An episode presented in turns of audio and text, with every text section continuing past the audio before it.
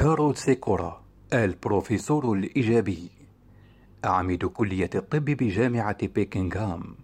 يبث رسائل أكثر إيجابية بشأن كوفيد-19 نجم وسائل الإعلام الاجتماعي الأكثر إثارة للجدل في الأوساط الأكاديمية. قال إن الرسائل الصحية العامة المقلقة للغاية هي السبب وراء انضمامه لتويتر. مستنكرا صمت زملائه وإخفائهم تحسن وضع العالم بالنسبة للفيروس. يطل سيكورا كصوت خبير متفائل بشأن فيروس التاجي عبر عمود أسبوعي في صحيفة الديلي إكسبرس عندما يقول هناك الكثير من السلبية ويحتاج الناس لبارقة أمل في أن الوباء سيزول. البروفيسور البالغ من العمر 71 عاما. حظي باهتمام ومتابعة أكثر من 270 ألف متابع منذ انضمامه لمنصة تويتر في السادس من مارس الماضي.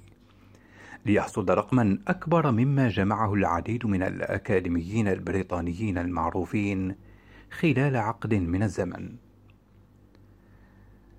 انتقد في تغريدة له في السابع والعشرين من مايو إجراءات الحظر المفروض على اجتماع أفراد الأسرة في الحدائق بأنه بلا أساس علمي أو منطقي. حصد حينها واحدا وثلاثين ألف علامة إعجاب في غضون أربع وعشرين ساعة. كما تمت مشاهدة مقطع فيديو نشره عن مناعة الأجسام المضادة أكثر من خمسمائة ألف مرة. العمود الأسبوعي الجديد لسيكورا في صحيفة الديلي إكسبرس في بحث عن مضاد لصداع الأخبار المزيفة. تذيل بعنوان البروفيسور الإيجابي كصوت مهدئ للأذهان. غير أنه لم يسلم من الجدل الكبير لينتقد البعض إيجابيته المفرطة ويتهمه آخرون بالترويج للتفاؤل الأعمى والأمل الكاذب لبلاد تواقة لاستئناف الحياة الطبيعية. وعلى الضفة الأخرى، أشاد آخرون بردوده المشرقة على تغطية إعلامية مروجة للهلاك ومثيرة للقلق، وتشجيع البعض منحه وسام الفروسية. البروفيسور سيكورا يقرأ قدر استطاعته جميع التعليقات على تغريداته، متسائلا: كيف يجد البعض وقتا لإبداء هذا الكم الكبير من التعليقات؟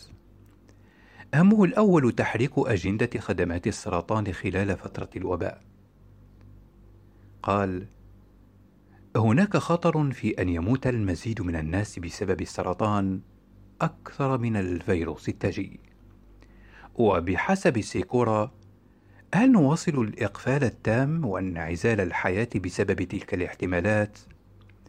هو متفائل ببلدان أخرى خففت عمليات الإقفال التام دون أن تشهد موجة ثانية. والآن بعد خروج بريطانيا تدريجيا من الإقفال يدعو سيكورا لانضمام خبراء أكاديميين آخرين لطمأنة الجمهور.